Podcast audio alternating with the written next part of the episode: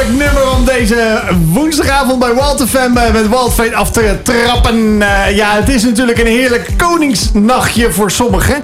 Ja, die zijn al helemaal zenuwachtig omdat ze morgen misschien wel hun slag gaan slaan als ze met hun steentje of met hun kraampje of met hun kleedje ergens eh, op de Amsterdamse Vrijthof staan of op het Rembrandtplein of wherever je staat in Nederland met jouw hopelijk goede opbrengst. Misschien wel voor het goede doel en dat kan je zelf zijn. Eh, want dat is natuurlijk ook een goed doel. En dan kun je er weer leuke nieuwe rommel van kopen als je ervan houdt. Ik in ieder geval niet, want uh, mij zie je daar niet struinen. Al kan ik me goed voorstellen dat de vroege vogels die vannacht en morgenochtend vroeg bij de eerste markten al gaan kijken. Of dat ze hopen dat ze daar die miljoenenklapper gaan vinden van dat schilderij van Rembrandt. Misschien ook wel, dat weet ik ook niet. Maar goed, vanavond hebben wij in ieder geval hier gewoon de allerbeste gospel. En natuurlijk een heel goed gesprek vanavond. Want we hebben weer een gezellige uh, gast gevonden die lekker aangeschoven is hier bij Walt FM. Met ons programma Walt hier live vanuit de studio. En wil je nou meepraten vanuit jouw koningsplekje waar jij luistert, dan kan dat via 085 Dat is de nieuwe WhatsApp.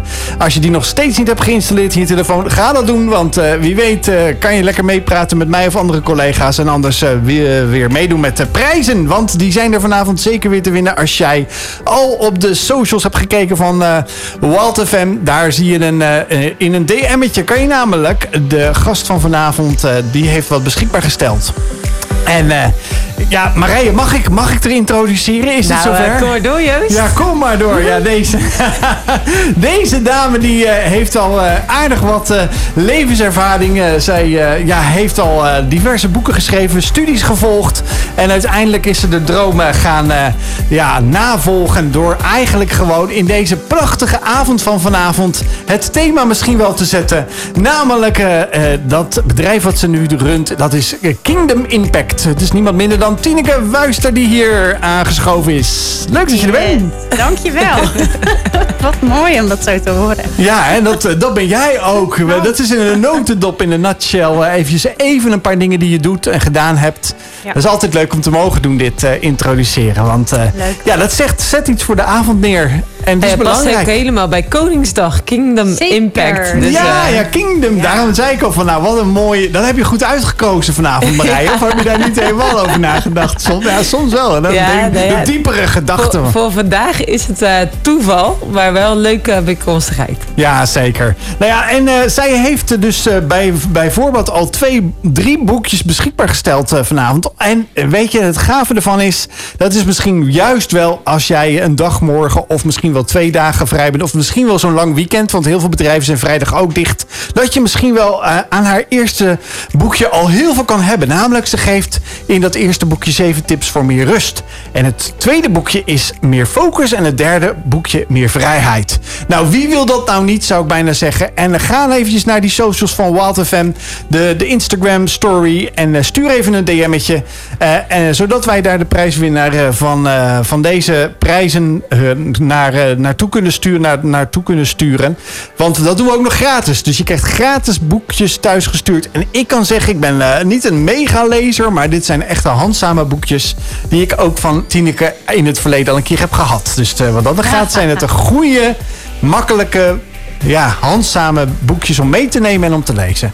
Maar eventjes nu back to the world en uh, even naar deze uitzending. Want... Wild Fate geluksmoment. Hey Marije, tell me more van dat geluksmoment van deze week. Nou, het geluksmoment hangt samen met iets wat nu boven de balie uitkomt. Jammer dat we geen camera's oh, hebben vanavond. Jongens, jongens.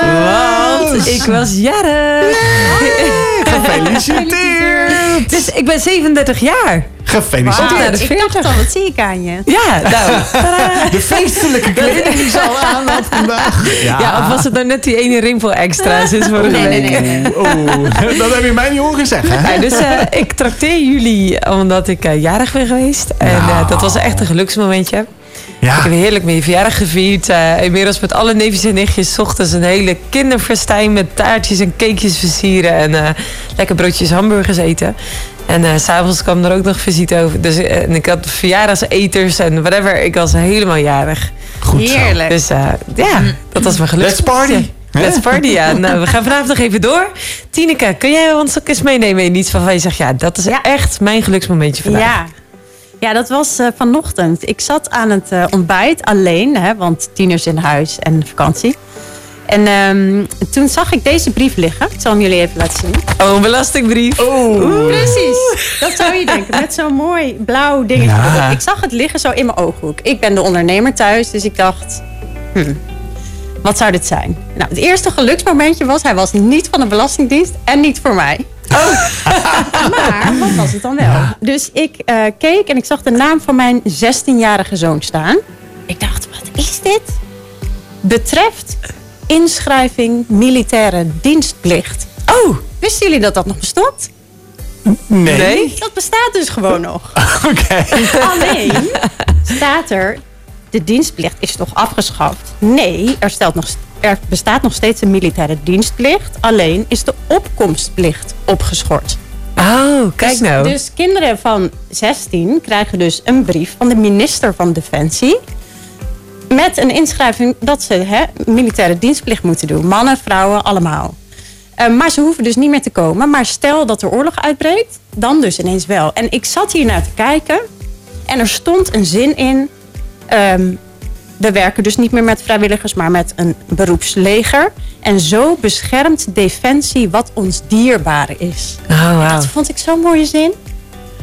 En, maar toen dacht ik van, er zijn dus moeders op de wereld die hun 16-jarige kinderen de oorlog in zien gaan. En ik besefte me gewoon op dat moment, ik zat aan die ontbijttafel met mijn kopje thee. En ik had zo'n geluksmomentje dat ik dacht, mijn zoon hoeft gewoon niet. Is veilig hier, in vrijheid, weet je wel? Dus dat was, nou ja, het begon met een mogelijke belastingbrief. Maar het werd dus echt wel een soort van besefmomentje. Dat ik me realiseerde van wauw, dat we in zo'n land leven waar het nog veilig is. Ja, zo. Ja, ja bijzonder moment om ook even bij stil te staan over. ook met de komende dagen, ook volgende week met, uh, of over twee weken met bevrijdingsdag en dat soort uh, dagen. Ah, mooi. Leven in vrijheid. Wat prachtig. En jij, Joost, uh, neem ons ook eens mee in jouw geluksmomentje vandaag. Ja, ik heb er meerdere gehad. Maar uh, kijk, ik vond het wel heel erg leuk. Mijn, uh, mijn dochter die was een dagje weg geweest naar een pretpark. En ze kwam terug. En ze zegt de volgende ochtend, zegt ze... Ja, ik wil jullie wel wat geven. Want ik heb een leuk cadeautje voor jullie meegenomen. Ik denk, cadeautje uit het pretpark, oké. Ik wist dat ze naar de Efteling was gegaan. gezondheid trouwens, Marije. Gezondheid. ja, even ver uit die microfoon, don't worry. Het is allemaal... Uh... We zijn er weer. Ja, dus zij, uh, dus zij geeft mij een, uh, een heel leuk cadeau. Namelijk, ik heb echt de one and only sinds dit jaar pas Efteling sokken. Ja, ik ben niet zo lenig, maar dat zijn stelletjes. Dat zijn, dat zijn stelletjes. lief van haar. Ja, dus die kwam met prachtige Efteling sokken aan. Ze zegt, ja, ik ben ook een beetje jaloers, want ik heb ze niet voor mezelf gekocht, maar de, ja, ze zijn dit jaar pas voor het eerst op de markt bij de Efteling. Ja. Nou, dus ik was helemaal... Uh, dat zijn pas happy socks, zei ja, ja, en ik heb, ik heb al zo'n verzameling van allerlei ludieke sokken. Dus de, deze komt er goed bij, uh, ja. bij van pas. Dus nou, dat was mijn geluksmomentje van deze week. En uh, nou, er gaan er vast weer veel meer komen om volgende week een keuze te moeten maken. En misschien heb jij ook wel eens zo'n geluksmoment. Laat het ons eens weten via de socials of via de WhatsApp van de, via de studio. Want ja, ik neem het gewoon mee in onze berichtgeving hier natuurlijk live vanuit de studio. En ja, de berichtgeving is ook dat we heerlijk gaan luisteren naar Breakthrough van Medissa. Welkom terug hier bij Wild Fate met ons programma hier op Wild FM. Ja, we hebben vanavond Tineke Wuister in onze uitzending. En ja, zoals ik al in deze introductie zei, ja, heeft ze al een aardige track record en een portfolio verzameld. Ik zou bijna moeten zeggen, bonsoir mademoiselle, comment ça va? Want ja, haar carrière is oneerbiedig gezegd gewoon begonnen als Franse docent ja. of eigenlijk in de Franse studie. En ze zei voor mij een heel markant iets. Ze zei tegen mij tijdens de voorbereidingen toen we hier in de studio al zaten. Net voor de uitzending zei ze... Ja, het is een beetje gek, maar je kan gewoon Franse leraar of lerares worden... zonder dat je één stap ooit in Frankrijk hebt gezet. Is dat echt zo, uh, Tineke? Heb je ja. nooit een stap in Frankrijk gezet? of is het niet zo heel erg? Nou, dat kan, ja. Ik heb dat wel gedaan. Uh, maar je kunt Frans studeren, inderdaad. En dan gewoon helemaal niet in Frankrijk geweest zijn. Dus wat ik merkte na mijn studie, dus we hadden het erna over dat ik, dat ik psychologie gestudeerd heb en dat ik daar expres de toegepaste uh, psychologie gekozen heb. Omdat uh, nou, ik dus inderdaad merkte dat Frans, ja, wat je heel goed kan na een studie Frans, universitair, is dat je kunt zeggen in het Frans, uit onderzoek is gebleken dat. Maar soort van je veten zit los. Dat wist ik eigenlijk niet. ja, ja. ja. Dat is best handig, want als je je veten los zit en niemand, uh, je weet niet als iemand het tegen je zegt, dan kun je zo op je neus gaan. Ja, daarom. Dus het is veel belangrijker eigenlijk. Dan... Ja, maar, maar dan kan ik me wel goed voorstellen dat je inderdaad uh, daarna zei, dat heb je inderdaad ook gezegd. Ja, toen ben ik ook maar uh, toegepast te weten, psychologie gaan studeren, ja. om dat ook echt te gaan toepassen. Ja. En dat heb je ook daadwerkelijk, daar ben je ook gelijk mee aan de slag gegaan, ja. hè? Zeker. Ja, als jonge moeder zelfs. Want ja. Uh, ja je, was, uh, je had je eerst uh, de kind al, hadden jullie al samen. Ja. En toen ben je toch nog dat gaan studeren. En toen ben je bij juist ook je passie met mensen. Want je hebt echt een passie voor mensen. Want dat, Ja. dat blijkt die rode draad wel in heel je ja, carrière te zijn. En dat je begint met eh, ja, navigators, eh, bij navigators gewerkt. En navigators is misschien wel heel goed om even uit te leggen voor mensen die de luisteraar die zeggen navigators. Ja, dat is navigatiesysteem of zo. Ja. Of, eh, nee, nee, nee, nee, nee, nee, nee, nee, dat Nou, is, er zit misschien wel wat overeenkomst in. Misschien. Ja, nee, Navigators is een ehm, wereldwijde organisatie begonnen in Amerika in de jaren 50 volgens mij. En in Nederland vooral bekend van studentenverenigingen. Uh, dus in elke studentenstad zit bijvoorbeeld een NSA, dat is dan Navigator Studentenvereniging Amsterdam. En daar kun je dus als student die meer wil weten over geloof en, en Bijbel en Jezus, kun je daar terecht. En dan heb je gewoon een hartstikke leuke tijd. Bier en Bijbel, zeggen ze ook wel eens. Dus Oké. we zijn ook gewoon, studentenvereniging. ook- ja, precies. Gewoon ook student en leuk. Uh, en meer van Jezus, want dat kan heel goed samengaan. Nou, ik heb niet bij de studententak uh, gewerkt, maar bij de tak die uh, leiders in kerken heeft getraind en gecoacht. Dus daar ben ik jarenlang bezig mee geweest. En dat was super tof, omdat het ook een heel hecht, warm team was. Dat was echt een beetje ook een, een familie. Ja, was een beetje mijn familie, weet je wel. Dat was heel, was super tof. We hebben binnenkort een gast die daar ook voor gewerkt heeft. Dat is Hanneke van der Meer. Ja.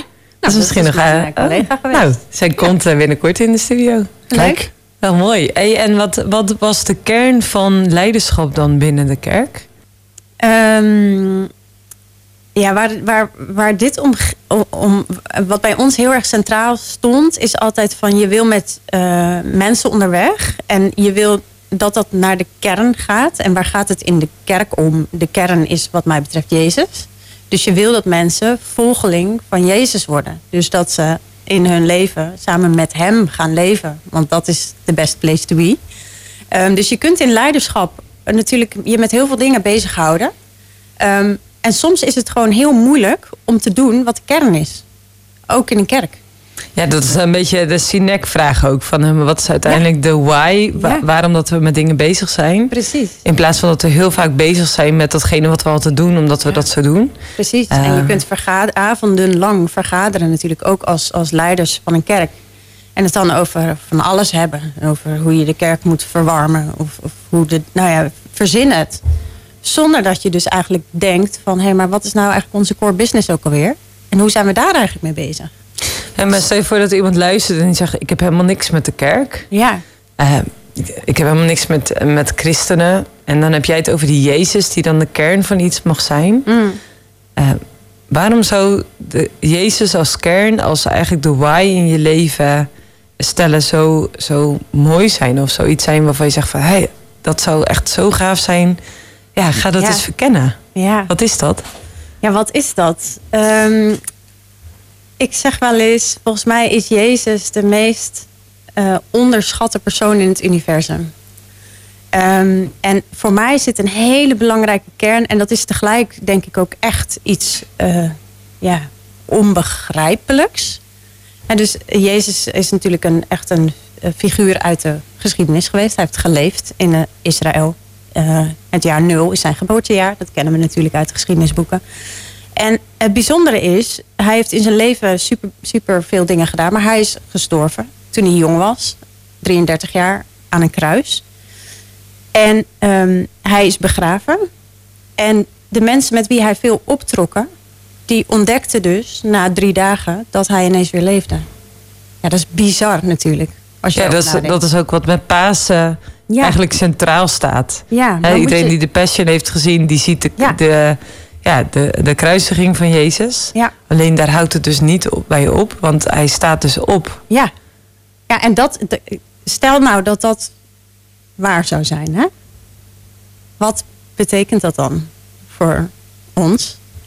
En voor mij betekent dat dat er dus altijd hoop is. En dat uh, dood dus niet meer het einde van het verhaal is.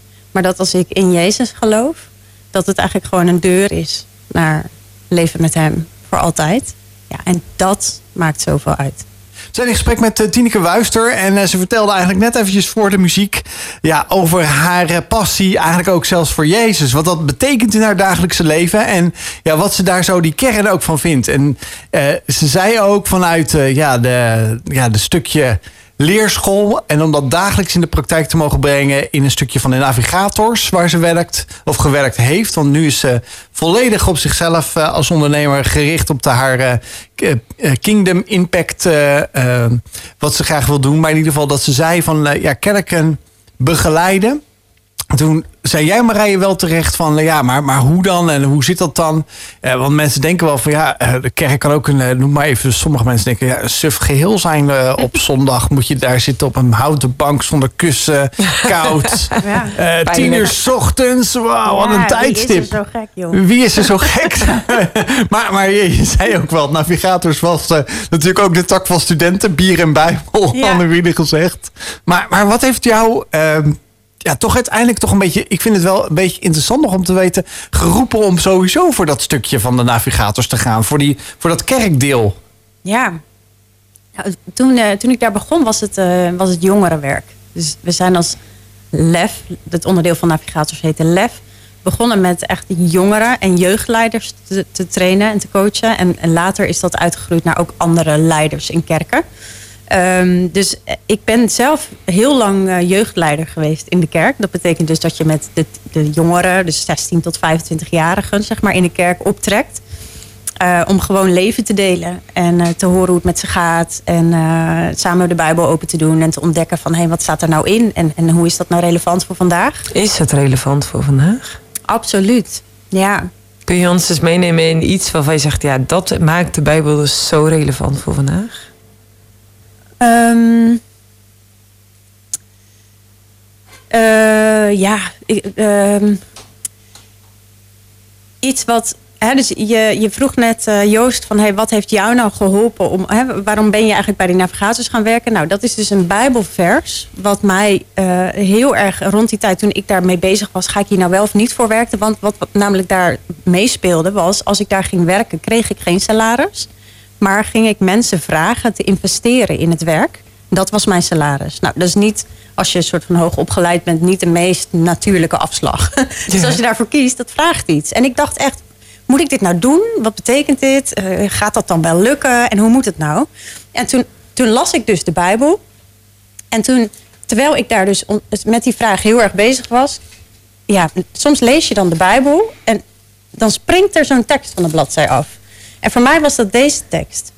Ik zal je behoeden. Ik neem je in dienst voor mijn verbond met de mensen om het land weer op te richten, om het verlaten erfgoed en eigendom terug te geven, om tegen gevangenen te zeggen: ga in vrijheid en tegen wie in het duister verblijft, kom tevoorschijn.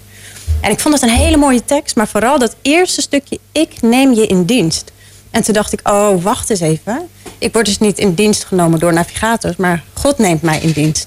En dan, waar maak ik me dan zorgen over? Want hij heeft helemaal een aarde gemaakt. Dus alles is van hem. Dus ga ik me dan zorgen zitten maken of, of er wel genoeg geld is? Weet je wel, als hij me in dienst neemt. Ja, want het voelde ook echt alsof dat dit niet zomaar een Bijbelvers was. Nee, alsof het voor mij was. Alsof dit specifiek voor jou geschreven was. En dat, dat je echt gebeurt dacht... dus heel vaak dat ik met een vraag zit of iets aan het zoeken ben. Of, of, of... En ik lees die Bijbel en, en die tekst die springt van de bladzij. En ik denk, dit is het antwoord.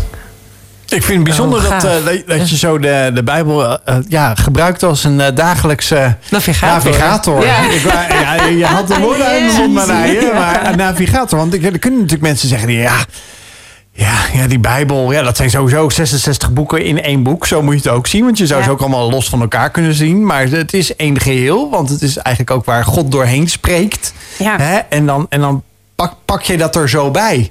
Maar, hoe heb je dat überhaupt geleerd? Of hoe, hoe nou, pas je dat in die dagelijkse uh, leven of in het werk dan toe? Ja, ja, ik ben, ik ben uh, wel opgegroeid ook in een gezin waar Bijbel werd gelezen. En als jong kind ook naar de kerk meegenomen. En daar hoorde ik ook Bijbelverhalen. Maar goed, dan nog kan het natuurlijk ver van je bedshow zijn. Hè? En uh, toen heb ik rond mijn zestiende... Toen ging dat leven. En daar kan ik ook een heel verhaal over vertellen. Maar dat is misschien niet per se voor nu. Maar uh, uh, en, en toen, ja, toen merkte ik dat ik gewoon ook, ook een soort van een honger kreeg om meer te weten en te leren. En, en dat ik anders ging kijken naar die Bijbel. Dus in plaats van naar een mooi boek met mooie verhalen, dat ik dacht van hé, hey, maar als ik God was en ik zou die mensen op aarde willen bereiken en ik schreef een boek, ja, ik, hè, dan wil je dat lezen, want ik wil God leren kennen. En zo ben ik het eigenlijk anders gaan lezen als hé, hey, maar dit is hoe God communiceert met ons mensen. Ja, en dan, dan, dan is dus de manier waarop je het leest al heel anders. En dan, dan gebeuren dus ineens allerlei dingen. Dan gaat die tekst ook gewoon leven. Ja. Zo bijzonder, ja, dat je zegt, hè, die tekst gaat dan ook echt leven. Ja. Uh, als je dan een vraag hebt, gewoon even. Ik ben echt een beelddenker, Hè, van dus uh, even, even lekker echt praktisch. Ik heb een vraag. Ik sla de Bijbel open. Uh, Joost zegt net, het zijn 66 boeken. Ja. Waar moet ik beginnen? Of hoe ga je dan gewoon bladeren? Ga je dan gewoon stukjes lezen? Ja. Is het dan een gebed van Heer, ja, dat u dan, als ik mijn Bijbel opengooi, het open laten vallen op een stuk waarvan u zegt, dat, is dan wat voor mij? Dat doe ik soms, ja. Dus, dus, maar soms kom je dan ook iets tegen dat je denkt, nou, huh? ja. idee. ja, en, en ik lees ook, maar ik, ik lees dus echt wel dagelijks de Bijbel. Dus ik begin in de ochtend, ik sta vroeg op en dan heb ik gewoon echt wel een half uur tijd om die Bijbel te lezen. En ik ben nu de Bijbel in een jaar aan het lezen, dus ik lees ongeveer drie, vier hoofdstukken per dag. En eh, heel veel daarvan ja, gaat ook een soort van je, ja, je ene oog in en je andere oog uit, zeg ik altijd. Van ja, je, dat doet niet zoveel of zo. Want je leest het en je denkt, nou prima. Maar soms, het is, het is echt een schat, schatkist of zo, maar je moet wel zoeken. Dus het is een goudmijn. En, en soms, soms dan ineens zie je een goudklompje en dan denk je, wauw, dit is het. Maar er, er gebeurt ook wel eens niks. Ik bedoel, dat is ook zo. Ja, vertrouwen dat is wel iets heel belangrijks als je de Bijbel openslaat. Zoals Tineke eigenlijk ook uh, voor de muziek deelde. Hè, van, ja, en dan zie ik dat ook echt wel als een ja, schatkist die ik open. Dus het is ook heel persoonlijk wat jij dan ook eigenlijk ook soms ontvangt of vindt in die schatkist, uh, Tineke. Ja, zeker. En, en hoe zou dat nog zelfs persoonlijk kunnen zijn voor misschien iemand die luistert?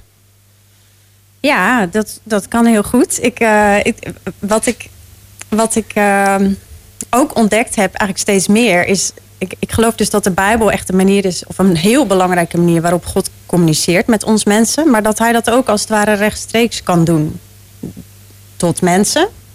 Ehm, of door mensen heen. En um, nou, hoe dat dan bijvoorbeeld gaat. Ik zat dit voor te bereiden van, van, vanmiddag. Ik zat even op de bank, er was niemand thuis. Ik zat lekker. Uh, en ik had gewoon de indruk dat God me iets liet zien over, over een luisteraar. En, um, Hoe werkt dat? Ja, dat is een goede vraag. Ik kan dat niet precies vertellen. Maar um, ik, ik, vroeg, ja, ik, ik, ik, was het aan het voorbereiden en dat doe ik dan in gebed ook. Dus dat ik ook vraag, Heer, wat, uh, wat mag ik vanavond delen? Of uh, nou, hoe, ja, waar mag ik het over hebben? En ik, ik zag gewoon ineens een soort van plaatje in mijn hoofd van iemand die uh, een luisteraar. Ik een, dame, een vrouw. En waarvan ik dacht van, uh, ik heb het idee dat er iemand is die soort van altijd met een bepaald excitement naar dit programma toeleeft. Hè? En het misschien niet zozeer durft toe te geven nog. Um, maar dat ze echt elke week denkt van... hé, hey, ik heb zin om te gaan luisteren. Dus dan met een kop koffie of thee op de bank zit... of in de auto of met je oortjes in aan het wandelen. En uh, ik had de indruk dat als, als jij dit herkent... dat ik tegen je mocht zeggen van... hé, hey, maar God ziet jou. Zijn oog rust op jou. Je bent geliefd. En toen moest ik dus denken aan een Bijbeltekst. Waar Jezus zegt van kom bij mij als je moe bent of als er een last op je schouders ligt. En ik zal je rust geven. Dus geef je last aan mij. En wat ik aan jou teruggeef is iets wat licht is en zacht is. Omdat ik, zegt Jezus, nederig en zachtmoedig ben. En ik had er de indruk dat die luisteraar soort van verstrikt is in vragen van is dit het nou? Of, of is er meer? Of, en hoe kom ik daar nou achter? Wat is nou eigenlijk, wie zegt mij wat de waarheid is? En dat Jezus zegt tegen, tegen jou van stel je vragen maar gewoon aan mij. Probeer het maar. Want een andere Bijbeltekst zegt zoek en je zult vinden. En vraag en je zult ontvangen en klop op de deur en de deur zal voor je open, open gaan. Dus uh, lieve luisteraar, waar je nu onzekerheid, vragen en droogte ervaart, daar zul je merken dat het woord van God de grond zacht en vruchtbaar maakt. En dan zul jij zijn als een boom die aan waterstromen staat, waarvan de bladeren niet slap hangen of verdorren, maar die juist veerkrachtig en sterk en vol vrucht zal zijn. Dus dat was de indruk die ik uh, ontving voor deze luisteraar. En zo spreekt God dus tot jou eigenlijk. Dat je, dat je echt dingen mag zien, mag ervaren, mag horen, indrukken mag hebben. Ja. Dat ook op mag schrijven voor jezelf, maar in dit geval dus ook voor iemand anders. Ook voor iemand die ja. nu luistert en, en misschien wel merkt, hé, mijn hart gaat kloppen of ik word helemaal warm of ik merk, hé, hey, maar dit is voor mij. Dit klikt soort van met, met hoe ik hier zit, hoe ik luister naar dit programma. Ja. Ik vind het ook heel bijzonder zoals jij dit ook even zo deelt. Terwijl ik ook misschien wel het gevoel kan hebben dat, luister, dat een luisteraar denkt... ja, maar ik denk altijd maar God, die staat maar met een vingertje... en eh, alles mm. is... Uh, dit doe je niet goed en daar ben je niet goed in... en, en dit is, moet, moet je veranderen, wil je Nou ja, die plek in de hemel kunnen verdienen... of dat die poort open gaat. Je kent die flauwe grappen allemaal wel. Uh, en jij hebt het eigenlijk over God die heel zachtmoedig... als een gentleman ook bij jou aanklopt... en naast je gaat zitten en dit deelt. Ja. Ja. Dat ervaar je dus niet alleen nu, maar dat ervaar je veel vaker. Ja, zo zie ik God, ja. Zo heeft hij zich laten zien aan mij. Hoe is dat voor jou dan, Joost? Ja, ik krijg een kippenvel van. Ja? Dat zal ik je vertellen, natuurlijk. Ja, ik, ik hou je natuurlijk een beetje... Ik, ik zit een beetje je, je uit de kast te trekken. Maar dat, dat, zo ervaar ik dat ook al, al heel lang. Ja. Dat, dat God helemaal niet iemand is die ja, dingen afstraft of dat je niet meer dingen mag.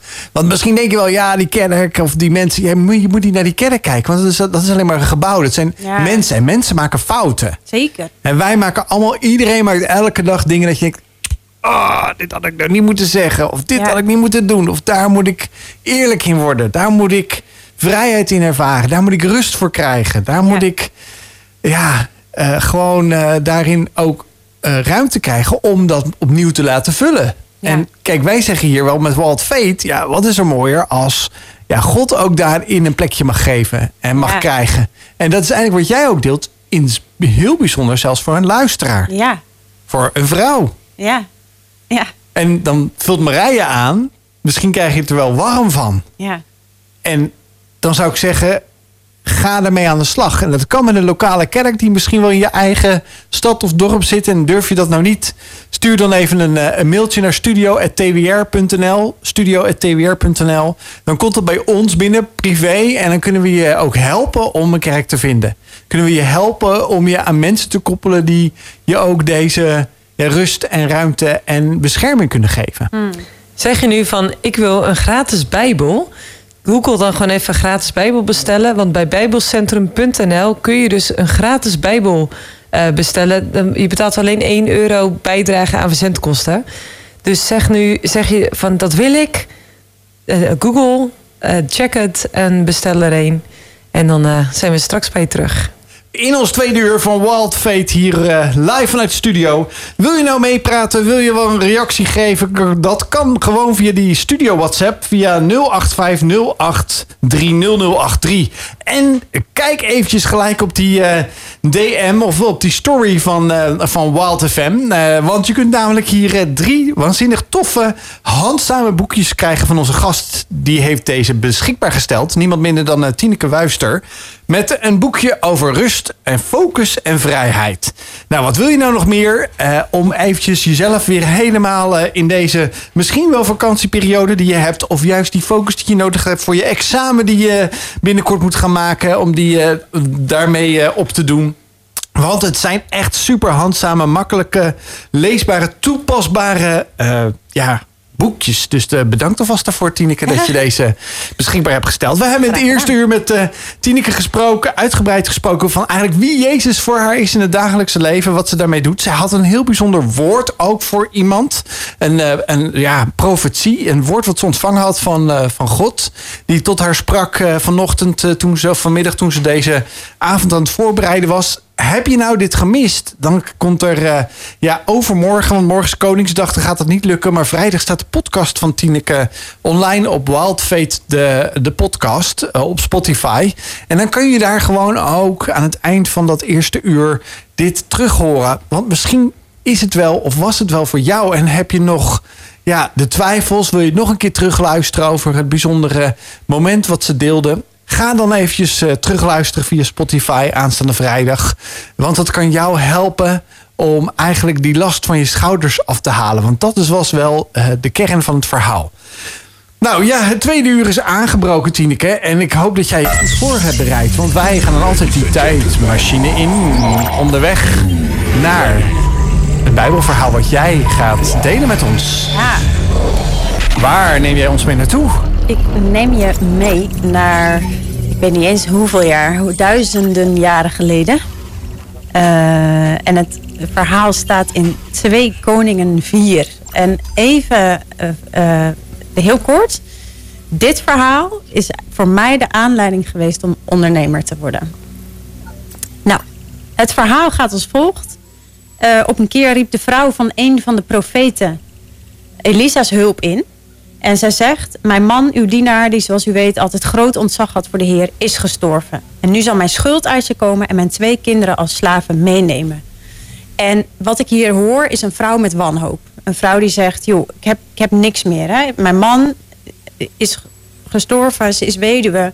Ze heeft dus financiële problemen. Hè. Ze is bang voor schuldeisers. En dat die dan ook nog haar kinderen weg zullen halen. Dus dus dit is echt een vrouw die, die ze weet gewoon niet meer waar ze naartoe moet. En ze gaat naar Elisa. En wat ik haar eigenlijk hoor zeggen is: Ik heb niks meer. En dan zegt Elisa dit: Wat kan ik voor u doen? Vertel me eens, wat hebt u nog in huis? En dat vind ik een toffe vraag. Dus zij zegt: Ik heb niks. En hij zegt: Wat hebt u nog? En dat zet voor haar het hele perspectief verandert het helemaal. En dan zegt ze: Nou ja, ik heb nog wel iets heb alleen een kruikje olie. daar zit echt zoiets van, ja, ik heb maar, het is maar een kruikje olie, weet je wel. Waar, waar, waar, waar, hebben we het over? Dit heeft iedereen in zijn huis. En, maar met dat kruikje olie gaat, gaat God iets heel bijzonders doen. Dus hij zegt, uh, Elisa zegt tegen haar, nou, je moet bij al je buren moet je kruiken en kannen en potten en pannen gaan lenen. En, en dan mag ze met dat kruikje olie, mag ze al die potten gaan volschenken. En die olie die, die stopt dus niet met stromen. En dan nou ja, dan kan ze al die olie die ze dan dus heeft in die potten en pannen en kruiken en kannen, die mag ze verkopen. En daar kan zij van leven en haar schulden van betalen enzovoort. Nou, dat is het verhaal. En ik, ik hoorde dit verhaal in, toen ik in een kerk was. Um, en ik had net een situatie gehad dat ik echt een beetje dacht, uh, ik weet het even niet meer. Ik, ik, ik, heb niks meer voor mijn gevoel. Hè. Dus mijn jongste ging, uh, dat was de situatie, mijn jongste ging naar de basisschool, werd bijna vier. En ik dacht, yes, ik heb mijn handen weer wat meer vrij. Wat zal ik gaan doen? En ik had een paar ideeën. Ik dacht, eh, misschien kan ik GZ-psycholoog worden. Of kunnen we een community starten voor jongeren. Daar hadden we zelfs al mensen gevonden die dat met ons wilden doen. Samen wonen in een groot huis en jongeren welkom en zo. Nou, al die ideeën liepen uit op niks. En toen was het september. Hij ging naar school.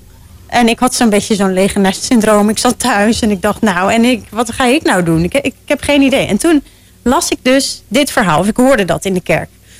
En degene die hierover sprak, die zei... altijd als je denkt, ik heb niks meer... dan vraagt God eigenlijk aan jou... maar wat heb je nog? En dan zul je misschien denken... ja, maar wat ik heb, ja, wat kan ik daar nou mee? Is misschien iets heel kleins of... Maar jij hebt iets en daar wil God iets groots mee gaan doen in jouw leven. En in de leven van de mensen om jou heen. En toen dacht ik, wat heb ik dan? Ik dacht, nou, wat ik wel heb is mijn studie psychologie. Ik heb interesse in mensen. Ik kan goede vragen stellen. Um, ik heb zelf een loopbaanswitch meegemaakt. Van docent Frans naar psycholoog. Ik dacht, oh, misschien kan ik daar dan iets mee. En zo kwam het dat ik daar eigenlijk heel enthousiast over werd. Al tijdens die kerkdienst. Dat ik echt dacht, oh, ik heb echt het idee dat God me zegt van... ga maar, ga maar met alles wat je hebt. Weet je wel, al denk je zelf, het is iets heel kleins. Ik ga er iets groots mee doen. je mag het uitdelen aan de mensen om je heen. En toen, uh, nou, dat hoorde ik dus zondag. En donderdag zat ik bij de Kamer van Koophandel. Omdat ik dacht, met het kleine kruikje, joehoe! met het kleine kruikje wat ik heb, ga ik gewoon andere mensen dienen. En uh, nou, zo is het begonnen. dat was Hilson Young and Free met Freedom is Coming. Nou, echt, het was uh, een mooi verhaal waar uh, Tineke en Wijster ons uh, zojuist in meenam. Twee Koningen 4. Twee Koningen 4 is één van de Bijbelboeken uit het Oude Testament.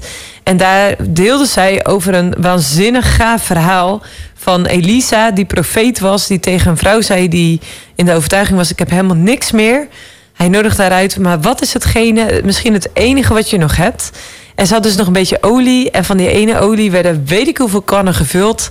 Dat ze voldoende had om ja, te kunnen blijven leven. Alles te kunnen blijven betalen. Ook al was ze weduwe, kon ze in haar eigen ja, uh, onderhoud voorzien. Ja. En jij las, jij hoorde een preek over uh, dat, uh, dat Bijbelgedeelte op zondag. Ja. Op donderdag stond je bij de KVK. Ja. Dus gewoon hoppa. Je wist gewoon, met wat ik heb, studie psychologie, interesse in mensen, ga ik van start. Ja, klopt ja. Wat ben je gaan doen? Ik ben begonnen als loopbaancoach. En um, omdat, nou ja, dat was dus wat ik zelf ook had meegemaakt. En uh, ik heb, ben door zo'n traject heen gegaan. Dus ik, ik wist heel goed van, hey, dit, uh, dit, dit helpt daarin. Of dit hielp mij in elk geval. Dus ik heb daarin mensen, veel mensen geholpen om nou ja, op een gegeven moment krijg je zo'n antenne. Ik weet niet of je dat herkent. Maar als je dus heel erg met een bepaald thema bezig bent. Of zelf in een situatie hebt gezeten dat je in een baan zit. En echt denkt, ik krijg hier gewoon geen energie van. Weet je wel, dat is het niet. En dan praat je met mensen op een verjaardag of zo. En iemand die zegt dan, ja, ja, ja, mijn baan, weet je wel. en dan denk je, oh, dat is er zo een. Ja. Ja, ja, ja. Iedereen, iedereen die luistert, die denkt, oh ja, dat is er zo een. Ja, ik, ken, ik ken er ook wel een paar. Ja, ja precies. Dus ik dacht, uh, nou, die, en dan zei ik, joh, hey, uh, ik heb uh, een soort van een kruikje olie. Wil je wat? ja, nee, dus daar ging ik mee aan de slag. En dat was super tof. En um, toen later ontdekte ik, hey, weet je, vaak zit mensen die echt niet lekker in hun vel zitten... en die energie lekker in hun werk, die komen in een burn-out terecht. Soms, niet altijd gelukkig. Um, dus toen ben ik ook stress- en burn-out coaching erbij gaan doen. Um, en toen ik in 2020 dus stopte bij navigators, waar we het al over gehad hebben in het eerste uur. En helemaal voor mezelf begon. Toen dacht ik op een gegeven moment, ik zou eigenlijk met alles wat ik in mijn rugzak heb, uh, zou ik iets willen doen. Dus wat, wat is dat dan? En toen ontdekte ik, ik heb dus dat stukje stress en burn-out. Nou, als je dat vertaalt, positief vertaalt, dan, dan leer je dus, dus mensen vanuit rust leven.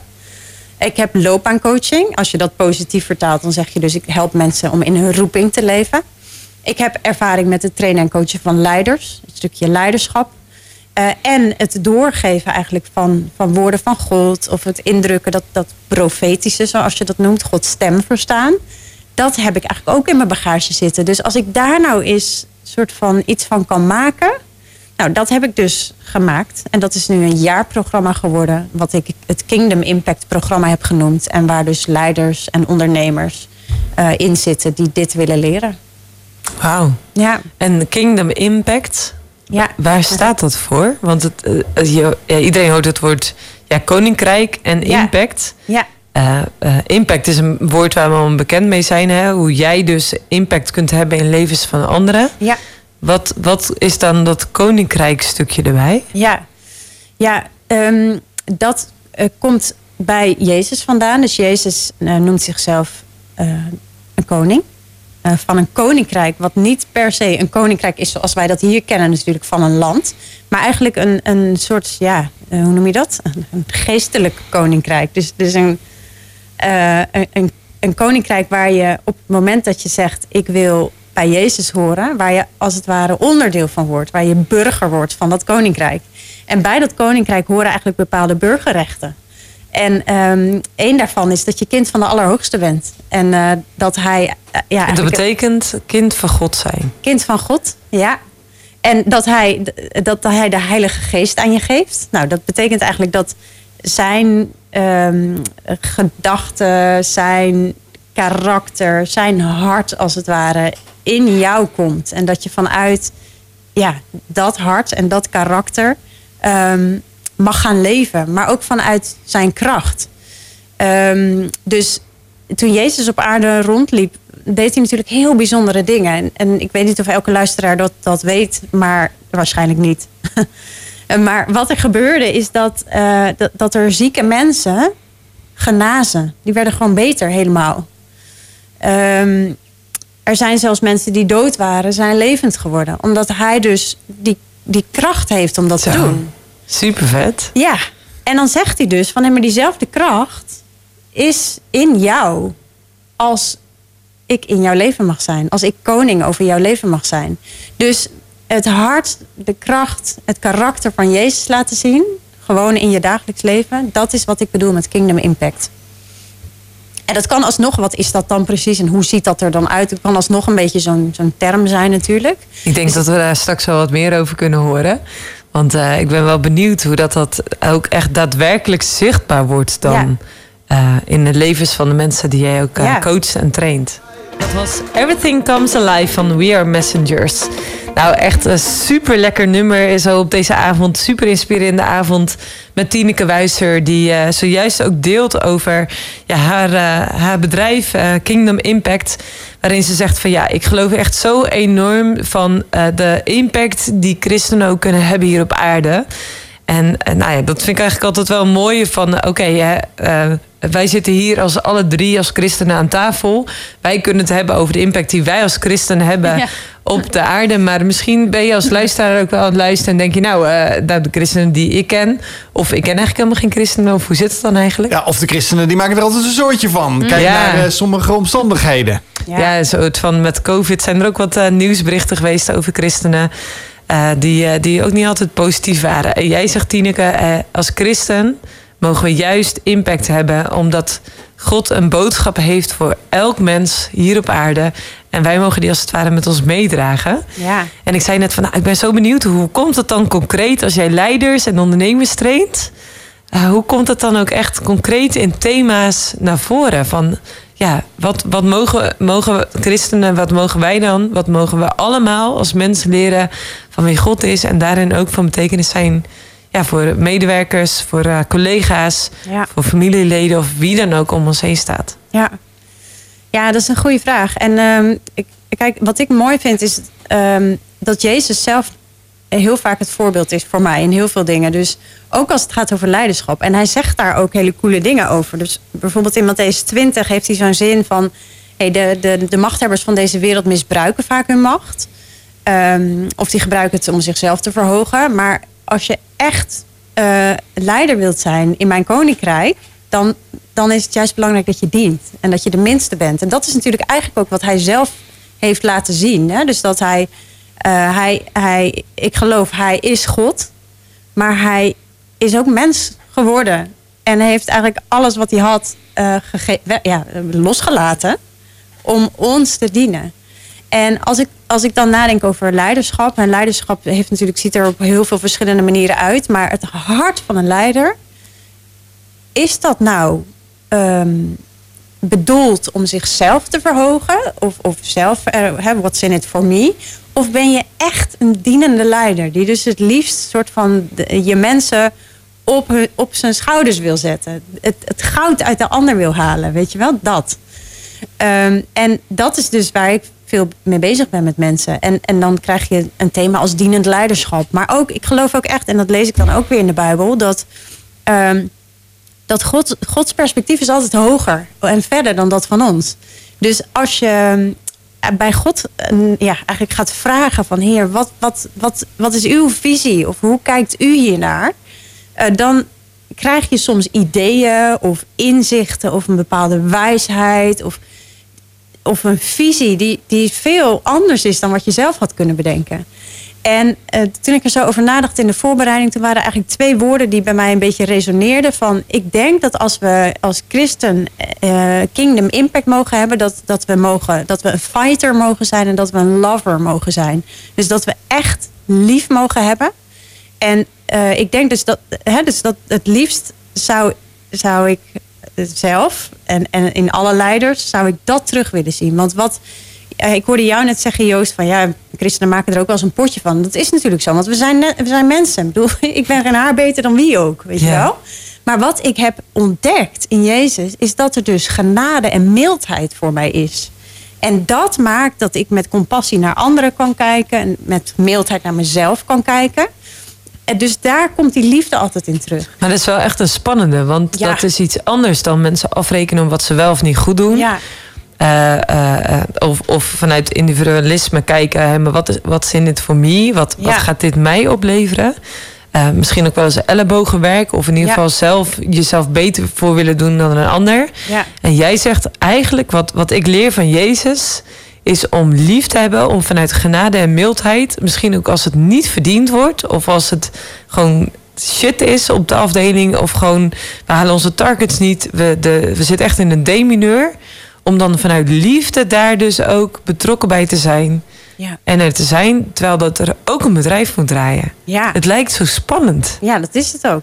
Maar, maar kan je vertellen dat ehm, eigenlijk is er helemaal geen goede leer, leiderschapsschool in Nederland. Je kan hoe dan ook, het is allemaal theorie, maar het wordt pas in de praktijk moet je het zelf gaan doen. Ja. En dan is dus de vraag, Welke overwegingen ga je nemen? Ben je inderdaad die fighter of ben je die lover, oneerbiedig gezegd? Ja. Uh, want je, eh, alles wat er in, tussenin zit, is natuurlijk het ook zo.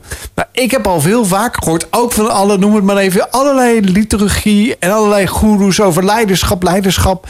Ja, maar vaak word je er neergezet, hè? Want jij was degene, de leider vertrekt. Ja, en jij bent toevallig de senior van de afdeling. Wil jij niet dat worden? En dan is dus de vraag: zijn per definitie de leiders die op sommige plekken zitten ook daadwerkelijk een uh, ja, geplaatste leider? Dus ben je daar geplaatst omdat je dat wil? Want eigenlijk moet je ten alle tijden denken, heb ik geleerd, dat is bij mij blijven, blijven hangen. Er komt altijd iemand, wanneer dan ook, en jij bent de leider die altijd beter is dan jij of het beter kan, of het beter weet, of meer weet, of het handiger doet, of sneller doet. Maar dan is dus de vraag van ja, maar als jij die leider bent, dan moet je dat dus ook accepteren. En dan moet je dus gaan kijken, hoe kan ik diegene in zijn kracht zetten? Gaat hij je dan voorbij? Dat is dus de vraag. Want je moet niet je leiderschap op het spel zetten. Mhm. Maar je moet eigenlijk zorgen dat jij ook een sterke leider wordt. Dus dat houdt in dat je eigenlijk nog meer, nog meer los moet laten. En niet moet willen vasthouden, vasthouden, vasthouden. Dan gaat het weer om jou. Want dan gaat het om mij. Dan gaat het niet om die ander. Ja, en ik vind eigenlijk heel mooi, Tineke, dat je zegt over de liefde. Vandaag, het was een treurige gebeurtenis. Maar aan de andere kant niet. Want het was een dankdienst van iemand. Een vrijwilliger die onder andere of een, een, man die onder andere vrijwilligerswerk voor TWR heeft gedaan. Voor Transworld Radio. Hij heeft studio's over de hele wereld gebouwd. In zijn derde carrière, zoals het werd verteld door, zijn, door zijn, een van zijn kinderen. Die zei van ja, hij was 62, ging met, met de fut van zijn ene baan. En toen ging hij opeens het evangelie, het goede nieuws helpen verkondigen door studio's te bouwen over de hele wereld. Hm. En dat deed hij uit liefde. Want hij was gedreven vanuit het Nieuwe Testament, vanuit de, Romeinen, vanuit de Romeinen, vanuit dat woord maar het belangrijkste is de liefde. Dat zegt, dat zegt God vanuit zijn eigen Bijbel. Ja. Dat is de allerbelangrijkste. Maar wij gaan daar heel gauw in met de vuist. Ja. Ja. Maar het is wel daarin, hè, wat je, dit raakt ook een snaartje aan jouw passie, uh, Joost, werk ik. Een stuk leiderschap. Je zegt eigenlijk, hè, het is soms ook goed om, uh, om binnen leiderschap ook te zien, als mensen beter zijn dan jou, ook dat springplankje te durven geven ook aan hun. Ehm, maar soms ook te zeggen, uh, uh, ja, wees ook niet bang voor andere mensen. Nee, en pas op, want uh, deze valkuilen heb ik allemaal gehad. Dan wil ik niet dat jij intrapt. Want jij, Marije, bent een, ben een, ben een ambitieuze zakenvrouw. Je hebt je ondernemingen. En je bent onder andere nu met personeel aan de slag. Hoe zie jij jezelf als eigen leider dan? Want jij hebt nu ook mensen onder je hangen. Hoe, hoe combineer je dat? Of wat is jouw gedachte? Nou, als je met leiden, als je mensen in dienst hebt, dan heb je niet minder werk. Mhm. Nee. Maar wel ander werk. Heb je wel ander werk. Dus, dus daarin uh, ben ik nu bezig met een boek schrijven. Dat is al bekend voor de vaste luisteraar. En dan merk ik dat ik zo met mijn hoofd in een eiland zit... dat ik soms extra bewust moet kijken... zorg ik goed voor mijn mensen. Mm. Uh, toon ik hun ook geduld en liefde? Ga ik er nog even extra naast zitten om te vragen: wat heb je nodig? Dat moet ik dan echt bewust doen. Ja. Um, maar dus ja, dat, en, wat ik dan veel hoor, is mensen die zeggen: Ik kom helemaal niet aan mijn werk toe. En dan zeg ik: Maar dit dat is, je werk. Ja. ja. en dat heb ik gelukkig geleerd in alle stichtingen die ik al geleid heb. Het is niet de eerste keer dat ik personeel heb. Dat, maar dat is wel belangrijk om te weten als je die stap gaat maken.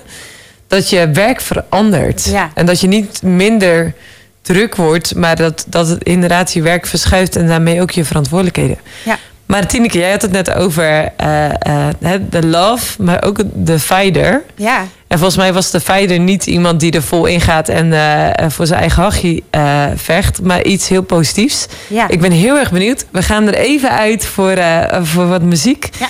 Uh, ik ben benieuwd wat die fighter ook is. Yes. Welkom terug hier bij uh, Walt Fate hier op Walt FM. We zijn in gesprek met uh, Tineke Wuister.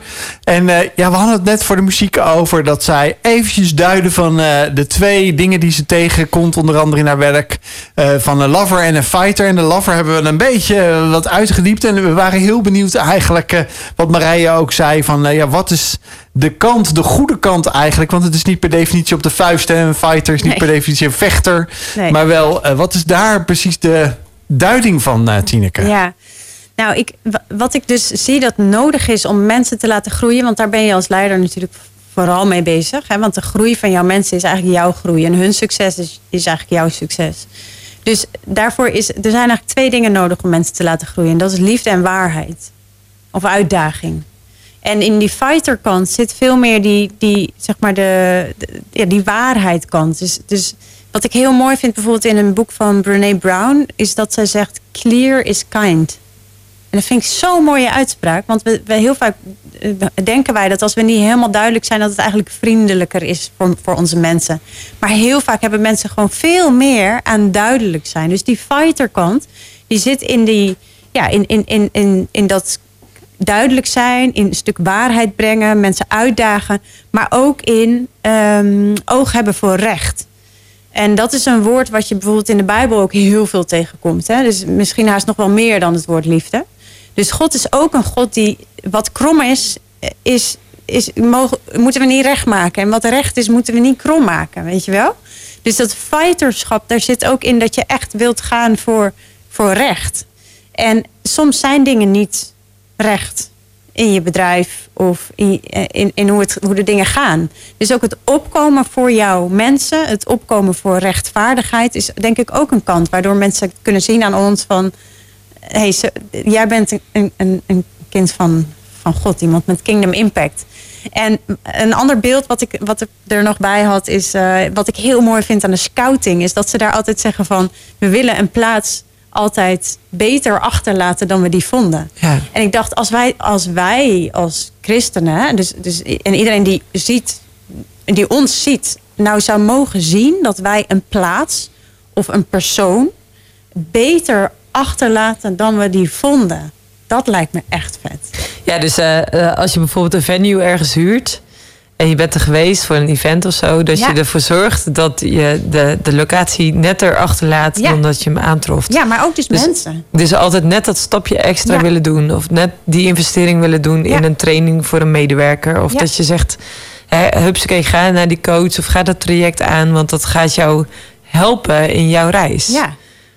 Ja, dus, dus, het is wel heel tof dat je zegt eigenlijk liefde en waarheid. ja. Die twee zijn nodig. Die dus zijn dus nodig. verpak dingen nou niet zo in zodat het onduidelijk is. Maar wees duidelijk, wees eerlijk, wees rechtvaardig. Ja, maar vriendelijk. Hè? Ja. Dus, dus je kunt waarheid en eerlijkheid kun je op hele verschillende manieren brengen. Maar als jij het vriendelijk bent, is mijn ervaring, ook met feedback geven bijvoorbeeld, dat mensen heel veel van je kunnen hebben als ze voelen dat je dit uit liefde tegen ze zegt. En daarmee is dienend leiderschap of liefde dus nooit alleen maar een soort van Lievig, bol ja. of lievig. Nee, helemaal niet. En leiderschap betekent dus ook niet dat je altijd maar soort van de, de hè, dienend leiderschap is niet dat jij altijd de voetveeg bent of altijd anderen aan het pleasen bent. Nee, dienend leiderschap kan ook zijn dat je tegen iemand zegt: volgens mij is dit helemaal niet de plek voor jou. Volgens mij word jij veel gelukkiger als je ergens op een andere plek zit. Eh, dus we gaan kijken hoe we voor jou een andere plek kunnen, kunnen vinden dan hier bij, mijn, bij, hè, bij ons bedrijf. Maar dan heb je wel lef nodig. Zeker, ja. En dan merk je ook dat mensen die zeggen van... Hé, ik wil eh, impact hebben... Dat ze, dat ze ook een stukje lef aanboren... ook als ze bij jou het programma gaan Ja. volgen. Want je, je wordt geconfronteerd met jezelf. Ja. Behoorlijk. Hè? Dan Ja. komen, worden de dicht, dingen echt even onder de loep genomen. Van oké, hoe ben je dan als leider? Je moet wel jezelf ook aandurven kijken. Ja, absoluut. Wat is, wat is daar de impact van in de levens van jouw deelnemers? Zo, nou, ik, ik uh, schreef daar toevallig van de week nog een post over met als titel Leiders zijn net mensen. Dus ik heb, als ik naar de afgelopen week kijk, ook zulke persoonlijke gesprekken gevoerd over iemand die gewoon een heel spannend gesprek met zijn ouders moest aangaan. Over een onveilige jeugd en over hoe hem dat gevormd heeft. En, en dat hij daarin wilde vergeven om weer echt de verbinding aan te gaan. Wow. Ik heb een ondernemer gesproken eh, samen met zijn vrouw, dus met z'n tweeën voor mij op een schermpje, want ze wonen ver weg. Waar heel veel in het gezin heel veel rouw en verdriet was. En we mochten samen bidden. En ik mocht ze een profetisch woord doorgeven. En, en ze zaten gewoon te, te huilen allebei. Maar het was zo helend. Ik heb een, een directeur gesproken die, die eh, ja, druk was met mantelzorgen rond haar vader. Weet je wel? En, en we kunnen het hebben over leiderschap. Maar als leider neem je altijd jezelf mee. En als je je eigen ja, shit eigenlijk niet durft aan te kijken. Ja, hoe kan je dan een ander leiden? Ja, leiden met EI dan. Dan leid je, maar je moet een ander leiden. Ja, dus leiden en moed zijn twee woorden die wat mij betreft altijd heel erg dicht bij elkaar komen. En, uh, en, en, moed eh, heeft dan ook weer heel erg veel te maken met kwetsbaarheid. Maar ik denk dus als, jij het, als je je eigen, ja, je eigen, jezelf eigenlijk in de spiegel durft aan te kijken. Um, als je je eigen dingen durft aan te pakken. Als je kwetsbaar durft te zijn. Uh, dan kun je dan kun je daarna andere mensen leiden. En andere mensen uitnodigen tot kwetsbaarheid en tot openheid. En de moed hebben om, om, om ook hun dingen aan te gaan. Nou, ik weet niet hoe het met jouw moves gaat, maar dat uh, praise to the left, praise to the right. Zonder om in uh, de koningsvibe te komen. Ja, inderdaad. Uh, links, rechts, voor, achter, hoppa, hoppa. Ja, natuurlijk heerlijk.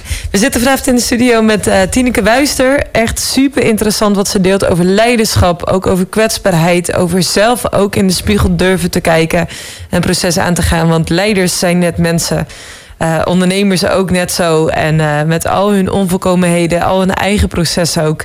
En dan ook de uitdaging die ze hebben om een bedrijf te leiden of een team te leiden. Mensen, voor mensen te zorgen. Alles wat erbij komt kijken. -hmm. ja, zij geeft daar echt onwijs gave trainingen in. Om ondernemers en leiders daar juist ook tools in handen te geven. Vanuit een passie die ze ook heeft voor God. Dat ze zegt, ja, weet je, hier op aarde mogen wij als christenen... en als je God nog niet kent duik dat woord in. Ga de Bijbel leren kennen. Ga, ga iedereen verdiepen. Want het is zo gaaf om te verkennen dat God ook iets zegt over het leven van elke dag. Ja. Nou, daar ben je eigenlijk specialist in. Ook met de boeken die je hebt geschreven. Ja. Kun je ons daar ook eens in meenemen? Ja. Um, eigenlijk is de ondertitel die ik vaak gebruik voor mijn programma... hoe kun je nou meer impact hebben met minder moeite? Dat en klinkt daar, lekker. Ja, daar hebben we het nog niet eens heel veel over gehad, dat laatste stukje. Dus we hebben het wel gehad over meer impact, maar nog niet zozeer over minder moeite. Uh, maar dat is een hele belangrijke, want wat ik zie is dat mensen kunnen natuurlijk heel ambitieus en volle bak gaan. Uh, en dan vervolgens op een gegeven moment uitgeblust op de bank liggen. En dat overkomt ook best wat mensen. Um, maar dat is zwaar. Hè? Dus voor, dat is voor jou zelf zwaar, maar het is voor je gezin en je omgeving, voor je team, voor het bedrijf. Het is, het is voor iedereen best wel pittig. Um, dus ik zeg altijd, als je dat kunt voorkomen... en natuurlijk wel de lessen leren die je moet leren... want dat is dan wel belangrijk... dan, dan graag. Dus het stuk, hoe kan ik nou in mijn leiderschap... of in mijn veel eisende functie... of in mijn ondernemerschap... wat, wat zo soort van alles kan omvatten... hoe kan ik daarin nou uh, dat vanuit rust doen... Um, met aandacht voor andere dingen in mijn leven die ook belangrijk zijn. Want die zijn er natuurlijk. Laten we eerlijk zijn. Er zijn dingen die veel belangrijker misschien wel zijn dan je werk. Um, en uh, dat is dus eigenlijk ook waar ik die boek over heb geschreven. Dus uh, die, het eerste boek gaat over rust. Het tweede over focus. Derde over vrijheid. Omdat ik merkte van... hé, hey, maar een, een burn-out of leven vanuit rust... dat uh, is eigenlijk een heel gelaagd iets. Hè? Dus het heeft te maken met je ritmes en met hoe je je agenda indeelt, waar je ja en nee tegen zegt, hoe je kijkt naar jezelf, naar je werk, uh, wat voor keuzes je maakt in, in, in uh, nou, wat, wat is belangrijk voor me, hoe ga ik dat prioriteren. Maar ook hoe kijk ik nou eigenlijk naar mezelf? Echt op, op, het, op je identiteit, je fundament, zeg maar. Um, dus zo ga ik in die boeken eigenlijk van buiten soort van steeds meer naar de kern, naar binnen. Omdat daar eigenlijk altijd alles start. En wat ik dan zie is, uh, uh, ook vanuit de psychologie en vanuit de Bijbel, is hey, we zijn gemaakt. En ik vind het heel mooi wat, hoe dat staat in het eerste hoofdstuk eigenlijk al van de Bijbel. Uh, dat, dat daar twee dingen over ons gezegd worden. De, het eerste is, we zijn gemaakt als het evenbeeld van God. En God is een creatieve, um, veelzijdige, scheppende, uh, denkende, sprekende God. En zo zijn wij ook gemaakt. Dus, dus door dat beeld, evenbeeld van God, daar hoor je al in, er zit ontzettend veel potentie in. Dus er, is, er ligt een enorm potentieel in ons. Ja, dat is echt super vet als je dat gaat verkennen. Ja. Ja. nieuwsgierig wordt naar, ook als je dat niet kent, als je nu luistert en je zegt, nou, daar heb ik nou nog nooit over nagedacht. Of uh, pff, in mij. Ja. Dan, dan mag je op het puntje van je stoel gaan zitten om nieuwsgierig te zijn naar wat is dan datgene ja. wat ik van nature dus al in, in me heb liggen. Want dat ja. hebben we allemaal. Allemaal, ja. Dus of je, hè, of je dat nou wel of niet al weet. het is zo dat jij gemaakt bent naar het evenbeeld van God. En dat alleen is al een super uh, mooie ontdekking. Dus, dus dat is het ene wat er staat. Het andere wat er ook staat, is dat God ons gevormd heeft uit het stof van de aarde. En dat hij zijn adem in ons heeft geblazen. En dat maakt ons tot een levend wezen. En daarin lees ik dat we dus ook beperkingen en grenzen hebben. Want we zijn een soort van ja, stof, als het ware. En ik denk dus dat het heel belangrijk is dat je zowel het een als het ander als het ware gaat omarmen. En dus je realiseert van hé, hey, maar ik, er zit een enorm potentieel in ons. En daar doet, uh, nou, de hele wereld doet daar een beroep op. Hè. Dus als je student bent al, je moet je cv pimpen. En je moet naar het buitenland en dit en dat en zus en zo. Dus dat potentieel wordt volle bak soort van uh, uitgebuit. Ja. Maar die andere kant, die eigenlijk daar het tegenwicht voor is. Van hé, hey, maar we zijn ook gewoon maar mens. Beperkt. En daar is, dat is dus waar we rekening mee moeten houden. En op het moment dat je die beide als het ware kunt omarmen en leert om, om vanuit rust te leven, um, kun je het veel langer volhouden. En dan heb je dus je oog gericht op de lange termijn in plaats van op nu zoveel mogelijk eruit halen. Maar is het veel belangrijker dat je als het ware langdurig, duurzaam uh, nou, aan het werk bent en je roeping uitleeft.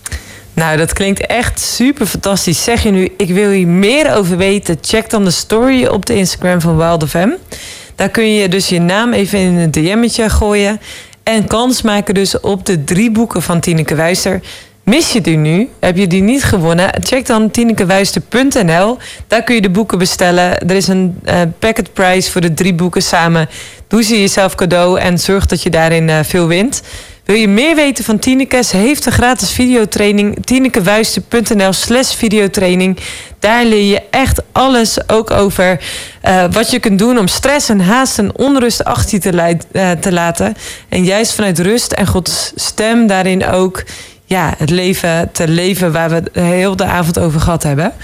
Wij gaan eruit, Joost. We zijn de volgende week weer. Ja, ik zou zeggen een hele mooie Koningsdag uh, morgen, Marije. Ja, geniet ervan. Ja, Jij ook bedankt, uh, Tineke, voor hier zijn. Leuk om hier te zijn. En tot volgende week.